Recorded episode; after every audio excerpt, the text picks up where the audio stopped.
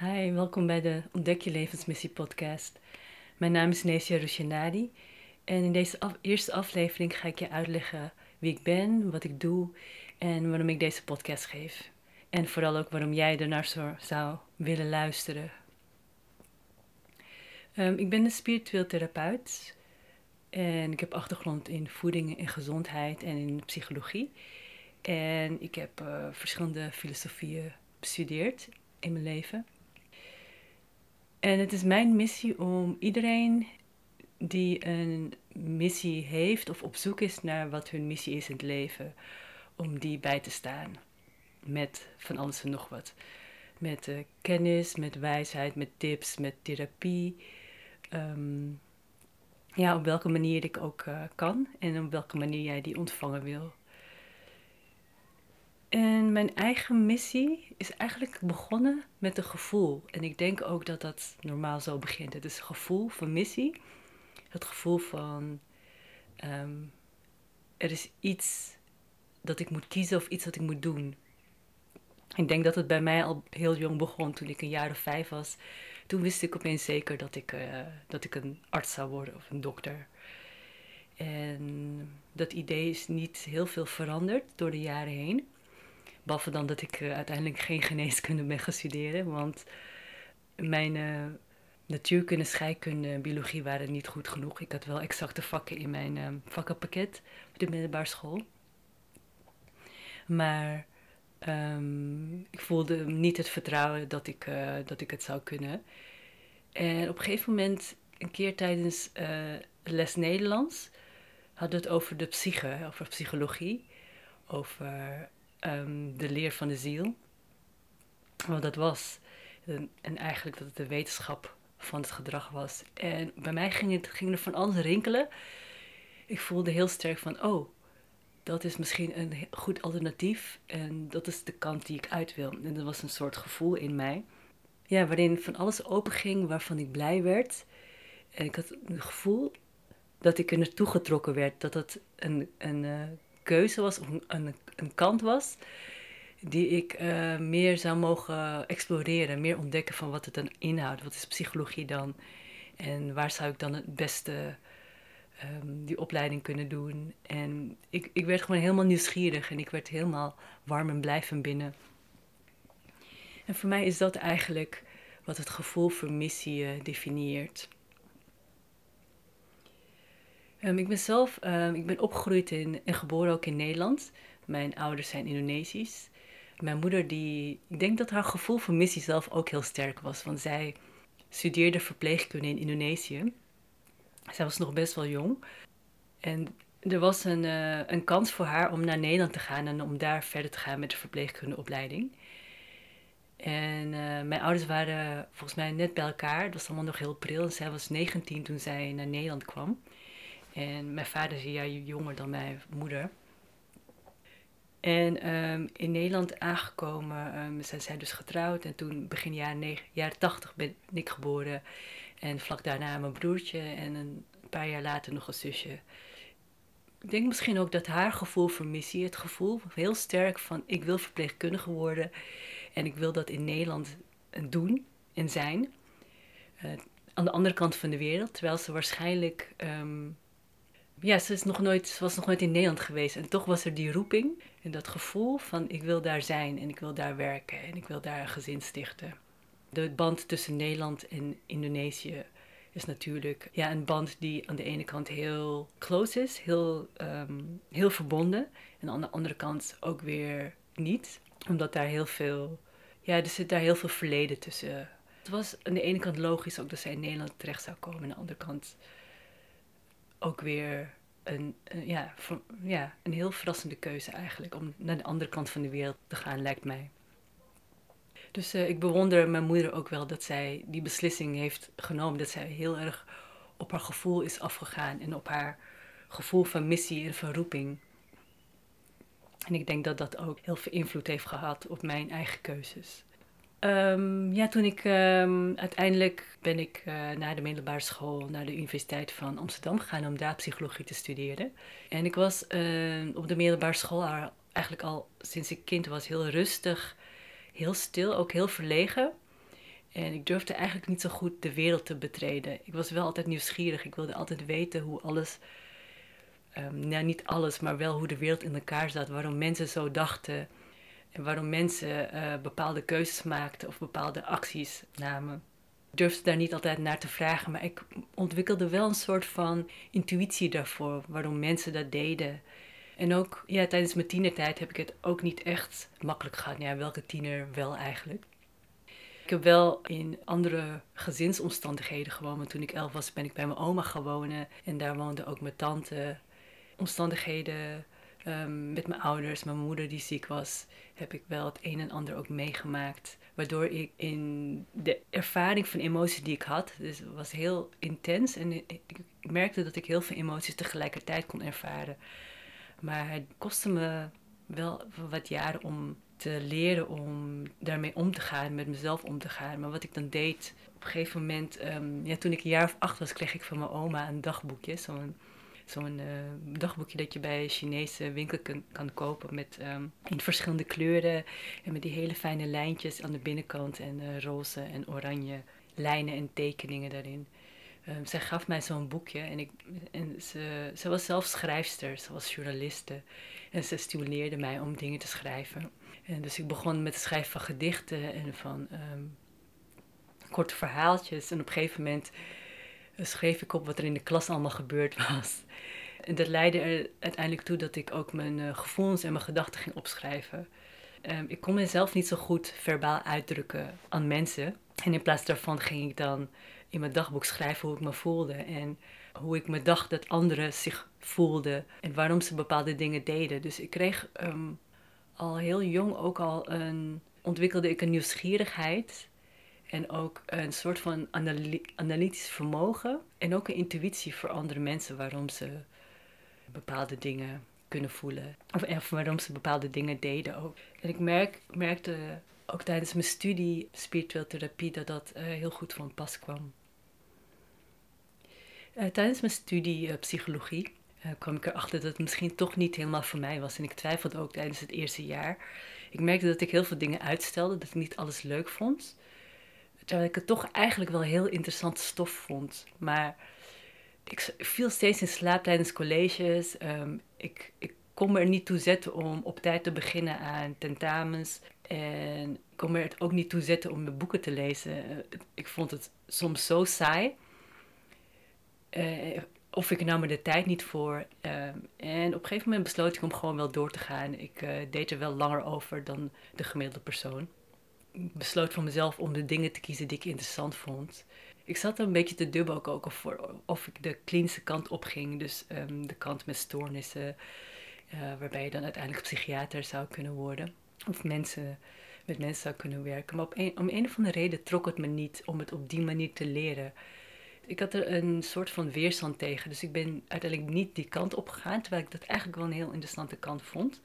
En ik denk ook dat dat mijn gevoel voor missie was, die zei van, ho, hé, hey, jij gaat het niet op die manier doen. En ik heb daarnaar geluisterd en ik heb, um, ja, de gebieden gekozen die ik wel leuk vond. Op een gegeven moment kwam ik dus terecht in, uh, bij de psychonomie, cognitieve psychologie, waarbij je dan heel veel leert over, over leren, leren over leren. Over ja, een beetje ook ontwikkelingspsychologie, um, maar dan ouderen. Dus wat gebeurt er eigenlijk wanneer je brein ouder wordt? En dat komt denk ik ook door mijn oma, die op een gegeven moment uh, Alzheimer kreeg. Waardoor ik daar een interesse voor ontwikkeld heb. Te weten wat daarachter zat, hoe dat, hoe dat uh, allemaal zich uitpakt in het brein. Ja, ik heb een, uh, een gezichtsherkenningstest op internet gemaakt. Ik heb ook een cursus gedaan um, om uh, internettesten te kunnen maken en websites te kunnen maken. En ik heb ook synesthesie onderzocht. Dat is ook een stukje in het brein waarvan ik nu eigenlijk zeker weet eigenlijk dat dat normaal is. synesthesie houdt erin dat bepaalde zintuigelijke ervaringen tegelijkertijd uh, opkomen. En eigenlijk heel gek, op het moment dat ik dat onderzoek deed, ik onderzocht um, grafeem kleur synesthesie. Wat betekent dat wanneer je een letter of een getal ziet, dat er tegelijkertijd ook een kleur opkomt. Ik was ermee bezig en het kwam niet in mij op dat ik dat zelf ook ervaarde, omdat ik er eigenlijk zo analytisch mee omging, zo wetenschappelijk. Terwijl ik eigenlijk wel, als ik iets zie, uh, meteen een gevoel en een kleur en een beweging erbij ervaar. En soms ook andere ervaringen daarbij heb. Het is iets ook wat ik door de jaren ontwikkeld heb, een, intuïtieve ervaring. Maar wel grappig om zo terug te kijken. En uiteindelijk heb ik mijn psychologieopleiding uh, afgerond in uh, 2006. Heb ik een paar jaar de tijd genomen om te werken en te bedenken wat ik wilde gaan doen. En mijn gitaar te leren spelen. Heb mezelf gitaar geleerd. En daarin heb ik eigenlijk ook geleerd om ja, wat meer die expressie, met expressie bezig te zijn. Dus uh, zingen, liedjes zingen, wel van anderen. Het pas een paar jaar later dat ik echt begon met liedjes schrijven toen mijn broertje mij daarin inspireerde. Omdat hij daar ook uh, lessen in had genomen en ook op, daarmee optrad tijdens open mics. En ook wel een belangrijk onderdeel van mijn leven geweest. Het, uh, ja, de expressie via muziek en via, via woorden. Uh, uiteindelijk besloot ik um, dat ik heel graag meer over voeding wilde weten. Want ik was, als tiener was ik altijd bezig geweest met bakken. Ik bakte elke week wel iets. Een taart of een brownie. En um, ik kreeg allemaal uh, familieleden, vrienden die dan iets uh, bij me bestelden. Of vroegen of ik iets wilde bakken. Ik at als tiener ook heel veel gewoon wat we thuis gewend waren. Maar op een gegeven moment dacht ik, begon ik me te interesseren over voor wat uh, gezond was. Wat is gezondheid eigenlijk? En ik wilde misschien ook met. Uh, ik was in Indonesië geweest, ook in die paar jaar dat ik uh, even niet studeerde. En ik kwam erachter dat daar heel veel vraag was ook naar voeding. En naar voedingskennis vooral.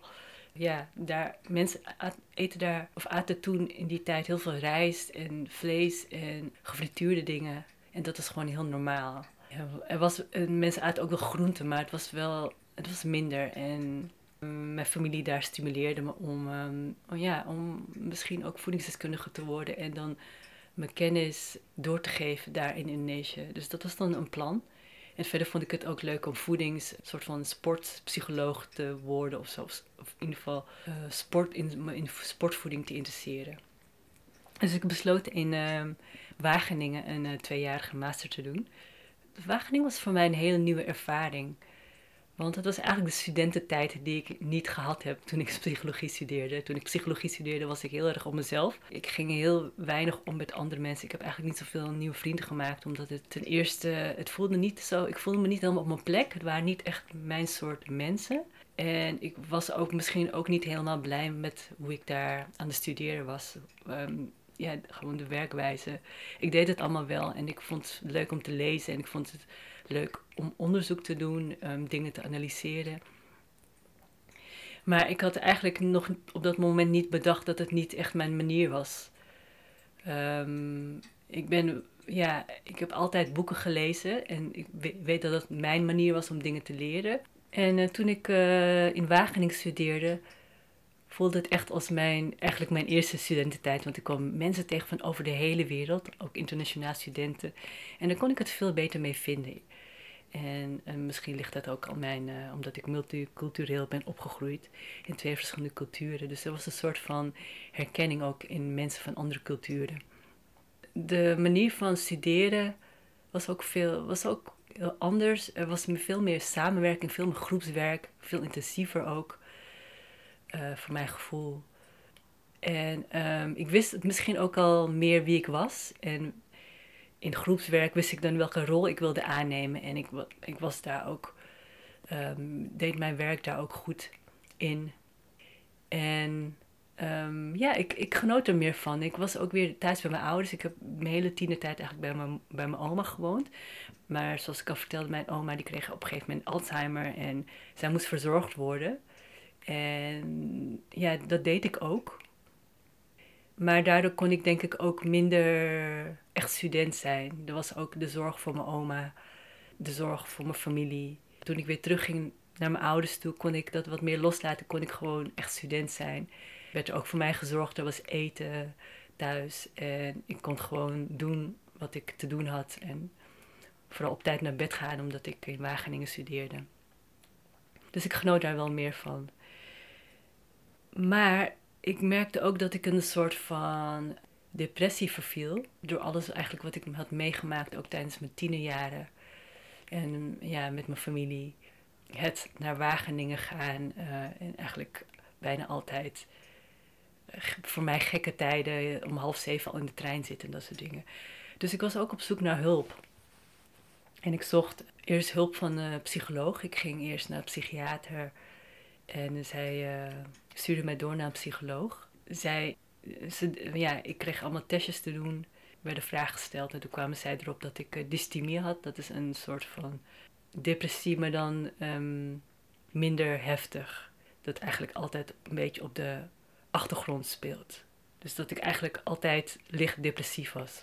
Ik moest bijhouden in een boekje hoe depressief ik me wel niet elke dag voelde. Maar ik, werd daar, ik voelde me daar niet beter, beter door. Dus nadat het man lang gedaan had en ehm, de psychiater had een keer naar gekeken, heb ik dat boekje gewoon weggeflikkerd. En ik dacht van nee, dat ga ik niet doen.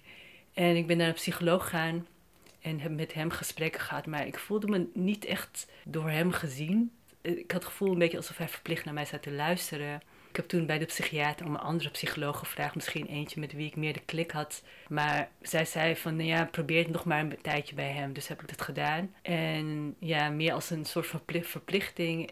En toen heb ik op een gegeven moment niet echt gelogen, maar meer voorgedaan dat het beter met me ging. En toen hebben we de sessies geëindigd. En hij zei dat hij me nog zou bellen om te kijken hoe het met me ging. Maar dat heeft hij niet gedaan en ik vond het oké zo. Dus ik ging op zoek naar alternatieven. Ik ben iemand die altijd weet dat er andere oplossingen zijn. Dus als dat niet werkt, ga ik gewoon verder, verder naar de volgende mogelijkheid om te kijken of dat wat meer voor mij is. En ik kwam op een gegeven moment online tegen bij alternatieve therapie, ook de spirituele therapie ik ben dat een beetje gaan onderzoeken, wat het precies was. En ik kwam een uh, vrouw tegen die me aansprak. Dus ik ben um, naar haar toe gegaan. En echt meteen de eerste sessie voelde ik me zo gezien en zo begrepen. En zo um, getroost ik ontdekte dingen ook over mezelf die ik niet, niet helemaal begreep. Waarvan ik dacht dat het aan mij lag. Maar die gewoon zo hebben moeten zijn. Of waar, waarin zij mij het perspectief gaf. En dat gaf me zoveel ruimte om mezelf te zijn. En ik ben haar zo dankbaar dat ze me dat heeft gegeven. En dat ik mezelf ook dat gegeven heb.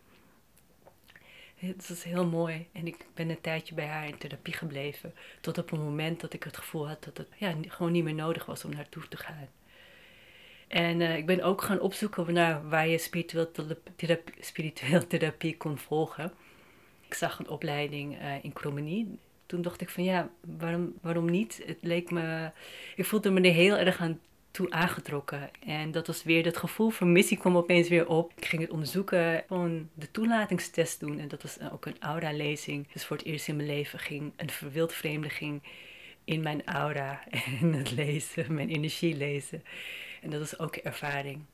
Eerlijk gezegd herinner ik me niet heel veel daarvan. Het enige wat ik me herinner was dat, ik, dat ze eigenlijk bevestigde dat ik heel erg verbonden was met mijn familie. Maar dat het tijd was om, nou ja, ze zei niet het is tijd, maar ik kreeg het gevoel en dat, ik daar, dat ik bezig was om mij daarvan meer los te maken. En mij niet in de rolle, rol van verzorger meer te zijn. Wat ik eigenlijk al sinds heel jonge leeftijd eh, ben geweest. En dat ik meer, me meer op mezelf mocht richten. En ook dat ik een heel ander persoon zou zijn dan ik dacht dat ik was. Omdat ik, in zoveel, omdat ik zoveel in, in één rol terecht was gekomen van degene die er altijd voor iedereen was. En voor iedereen zorgde. Ja, het was niet de toelatingstest, maar het was toch meer het gevoel van dit is goed voor mij om deze opleiding te doen. En ik heb mezelf ook niet onder druk gezet. Ik dacht, ik doe het eerste jaar en dan kijk je daarna wel verder. Nou, het eerste jaar heb ik gedaan. Heel diep in mezelf gegaan. Het was een heel mooi jaar. Want je gaat dan door alle chakras heen.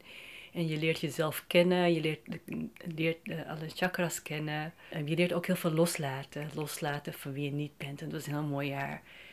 In het tweede, tweede jaar leer je dan spiritueel begeleider te zijn. En ga je eigenlijk meer met bepaalde technieken aan de slag. Um, die je ook op andere mensen zou uh, uh, kunnen toepassen om ze te begeleiden. En ja, natuurlijk ging ik verder daarna. En derde, vierde jaar leer je echt spiritueel therapeut zijn. En je leert om um, of uh, energielezingen of um, dus aura-lezingen of healings toe te passen. Ik koos ervoor om alleen de aura-lezingen te doen, omdat ik wist van mezelf dat ik kon healen. Um, dus dat is het harmoniseren van energieën in, ja, in iemand anders. En ik had het gevoel dat de manier waarop dat gedaan werd tijdens die opleiding, dat dat niet voor mij was. Ben ik officieel deskundige in het lezen van aura's. En um, healingen heb ik later heb ik nog allerlei andere cursussen en workshops over gedaan. En ik heb dat ook geleerd van mezelf, dus op mijn eigen manier via het lezen van boeken en allerlei verschillende technieken op mezelf toegepast. Dat is eigenlijk eh, hoe ik het best leer, door het op mezelf, om, door erover te lezen en dan ook te lezen van mensen die, dat, die daar zelf ook deskundig in zijn en zelf ook geleerd hebben. En dat op mezelf toe te passen. Ik ontdekte dat dat voor mij de manier was um, energetische technieken te leren. En het uiteindelijk ook op andere mensen te doen. Ondertussen was ik ook afgestudeerd voor voeding en gezondheid. Maar omdat ik nu meer de kant op ging van eigenlijk het energiewerk en de spirituele therapie, heb ik voeding en gezondheid dat ik even laten liggen. Uh, om het daarna weer op, op te pakken in een heel andere vorm. En dat was meer met fermenteren en het maken van gezonde drankjes en voeding, zoals kombucha, waterkefir, zuurkool. Tegelijkertijd ook met de gedachte dat hoe jij denkt over voeding heel veel effect heeft op je lichaam, op hoe je lichaam werkt. Ja, dat is eigenlijk de levensloop geweest van hoe mijn gevoel van missie mij heeft geleid tot wie ik nu ben en tot de dingen die ik gedaan heb, tot de keuzes die ik gemaakt heb. Ik wil jou er ook graag in inspireren om heel erg sterk op het gevoel af te gaan door eigenlijk te ontdekken en te weten hoe dat gevoel bij jou zich manifesteert. En bij mij is dat dus dat gevoel dat ik getrokken werd. Uh, of getrokken word en het gevoel van dat ik ergens blij van word en geïnspireerd word om meer onderzoek te doen en dan die keuze te maken om die kant op te gaan. En misschien voelt deze, dit gevoel van missie voor jou heel anders. En ik wil je inspireren om te ontdekken hoe dat dan voelt. Ik zal er een meditatie voor maken, zodat jij kunt ontdekken hoe jouw gevoel voor missie eruit ziet en voelt. En, uh, en hoe, jij, hoe jij dat ervaart voor jou persoonlijk. Ik denk ook dat uh, mijn moeders moed om naar de andere kant van de wereld te gaan, dat dat ook in mij een soort van natuurlijk gevoel voor moed heeft ontwikkeld. Waardoor ik eigenlijk niet bang ben om de keuzes te maken, ondanks dat de maatschappij in de maatschappij worden heel veel dingen gezegd. Je moet een studie afmaken in vier of vijf jaar. Je moet meteen studeren na je middelbare school. Je, je moet een baan nemen. Het zijn, geen, het zijn niet echt moeten, maar het zijn wel verwachtingen. En ik heb ook geleerd om niet aan die verwachtingen te voldoen. Ik bedoel, hoeveel mensen kunnen zeggen dat ze drie studies en nog allerlei workshops en cursussen gedaan hebben ik ben ook heel dankbaar voor mijn ouders dat zij mij en mijn broertje en zusje altijd de ruimte hebben gegeven om, ons te ontwikkelen onze interesses. En mijn interesse in muziek en mijn interesse in bakken en koken, mijn interesse in uh, tai chi en, het, en mijn interesse in uh, lezen, het lezen van boeken. Mijn moeder was ook een boekenworm. En uh, mijn oma ook. mijn vader hield ook van boeken. Ja, al die interesses, dat mijn ouders ons die ruimte hebben om ons te ontwikkelen. Daarin ben ik ook heel dankbaar voor. Want daardoor heb ik ook eigenlijk tussen de opleidingen door een hele mooie tijd gehad met mezelf te ontdekken in muziek en in wat ik leuk vind. Dat wil ik je ook meegeven dat het heel belangrijk is om wanneer je een bepaalde interesse in jou gewekt wordt, om, ja, om dat uh, te ontdekken. Um, ga er meer over leren, ga een cursus doen, ga lezen. Wat jouw manier ook is om iets te leren of iets te ervaren, ga dat doen. En dat zal je zoveel meer geven, want je ontdekt ook niet alleen kennis en vaardigheden, maar ook je ontmoet ook mensen. En via die mensen ontmoet jij misschien weer andere mensen. Ik heb ondertussen zoveel alternatieve therapieën gedaan. En ik ben steeds via, via hun, via mijn shiatsu-therapeut, ben ik weer bij mijn acupuncturist terechtgekomen. En via ehm, ja, ook googlen, online opzoeken. Um, en dan vooral, voel vooral wie voor jou het beste werken of met wie jij een, een, een klik hebt. Ik denk dat dat is voor mij altijd heel belangrijk geweest. Dus die eerste psycholoog naar, bij wie ik geweest ben, die heeft mij echt wel, die ervaring heeft mij gestimuleerd om echt ook te zoeken naar mensen uh, die jou kunnen bijstaan in je leven, met wie je een klik hebt. Dat is echt heel belangrijk. Ja, wat nog meer belangrijk is, is vooral ook niet eens, je levensmissie is niet eens belangrijk, want dat ontvouwt zich vanzelf. Het zijn de momenten waarin jouw interesse voor iets gewekt wordt. En de momenten waarin jij open gaat, waarin je echt plezier hebt, waarin jij met iemand bent, zo uh, opgaat in, in de relatie, in de connectie met die andere persoon, dat jouw wereld gewoon, dat de rest van de wereld verdwijnt eigenlijk. Die gaat zo in elkaar op. Dat zijn die momenten die belangrijk zijn voor jouw levensmissie.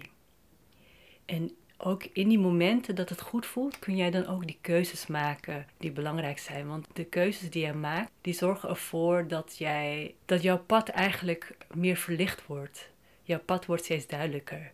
En eigenlijk zijn de momenten dat je die keuzes niet durft te maken of nog niet durft te maken ook oké. Want ze stimuleren jou om die keuzes uiteindelijk wel te maken of om een andere keuze te maken die op dat moment misschien wat comfortabeler voelt, uh, wat minder groot. Dat kunnen ook gewoon alledaagse keuzes zijn die je maakt. En we weten tegenwoordig ook hoe belangrijk het is om bepaalde gewoontes te hebben. Ik sluit me daar enerzijds bij aan.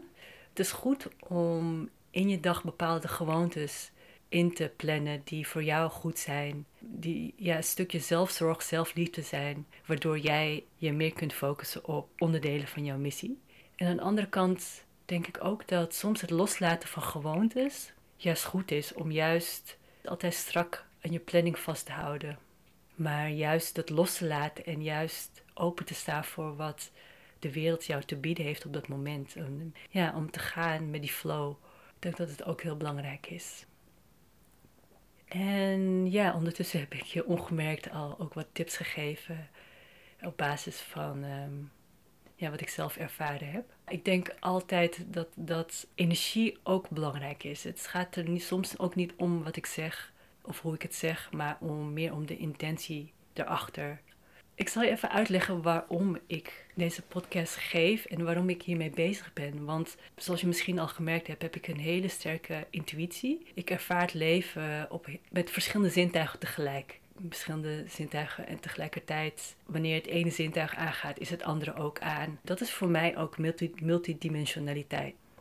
Multidimensionaal zijn betekent dat je je bewust bent van verschillende dimensies tegelijk. Wat zijn verschillende dimensies? Verschillende dimensies zijn dat je verschillende frequenties van energie kunt ervaren. Bijvoorbeeld, je fysieke zintuigen zijn misschien maar één frequentie van, van informatie die je ervaart. Dus dat zijn dan alles wat je ziet, wat je hoort, wat je voelt op je huid of met je vingers, met je tastzintuigen. In je mond, wat je proeft, wat je ruikt en wat je voelt in je lichaam. Die zintuigen zijn eigenlijk niet alleen beperkt tot de fysieke wereld. Er is een heel universum daaromheen, daar doorheen, wat wij niet letterlijk kunnen zien, maar die er wel is. En misschien kun je dat ook voorstellen als dat je je ogen dicht doet en je luistert naar een verhaal van iemand en je ziet dat helemaal voor je in een soort van film. En dat is eigenlijk hoe alles werkt. Um, als je daarvoor open staat, kun jij met je zintuigen meer zien, meer horen, meer ruiken, meer proeven, meer voelen, meer ervaren, meer weten dan er eigenlijk is.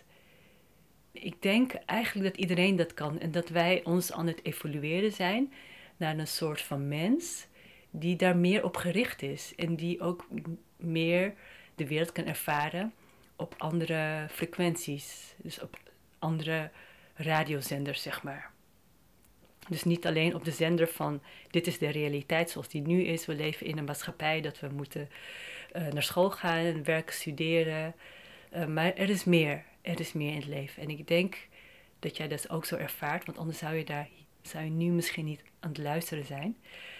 En ik denk dat het belangrijk is dat wij die zintuigen meer gaan ontwikkelen en ook meer daarna gaan leven. Want het is niet voor niets dat wij die zintuigelijke ervaring ook hebben. Naast de fysieke zintuigelijke ervaring, maar ook de intuïtieve zintuigelijke ervaring. En dat komt omdat wij ook steeds meer in die andere wereld gaan leven. Die andere werelden. En ook meer ontdekken dat het eigenlijk, dat dat de echte wereld is. En niet de fysieke wereld zoals die voor ons nu bestaat, volgens alle regels waar wij het over het algemeen niet mee eens zijn een van mijn missies is om jou ervan bewust te maken dat jij niet hoeft te kiezen om in die wereld te leven van de tussen aanhalingstekens realiteit zoals wij die gecreëerd hebben. Jij kunt jouw eigen maatschappij creëren door ervoor te kiezen hoe jij wil leven en door te ontdekken wat dat dan is, wat jouw missie is, want ook jij hebt een bijdrage aan jouw wereld, of die nou op kleine schaal is, dus gewoon in jouw omgeving, uh, met jouw familie, vrienden, je buren. Of op grotere schaal, door, ja, door jouw werk misschien, of ja, door andere dingen waarvan alleen jij kunt ontdekken wat die zijn. En mijn eigen missie is dus om eigenlijk ehm, niet alleen op kleine schaal gewoon te zijn wie ik ben, maar vooral ook om op grotere schaal um, mensen bewust te maken dat er meer is in het leven en dat, uh, dat je je ervaringen serieus mag nemen. Jouw eigen ervaring is belangrijk.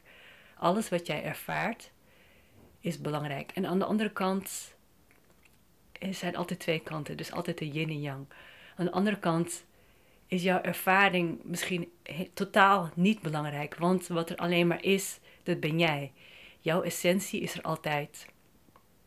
En jouw essentie is eigenlijk het belangrijkste wat er is. Want ik geloof dat iedereen een ziel heeft en dat is een stuk goddelijke essentie van wie jij bent.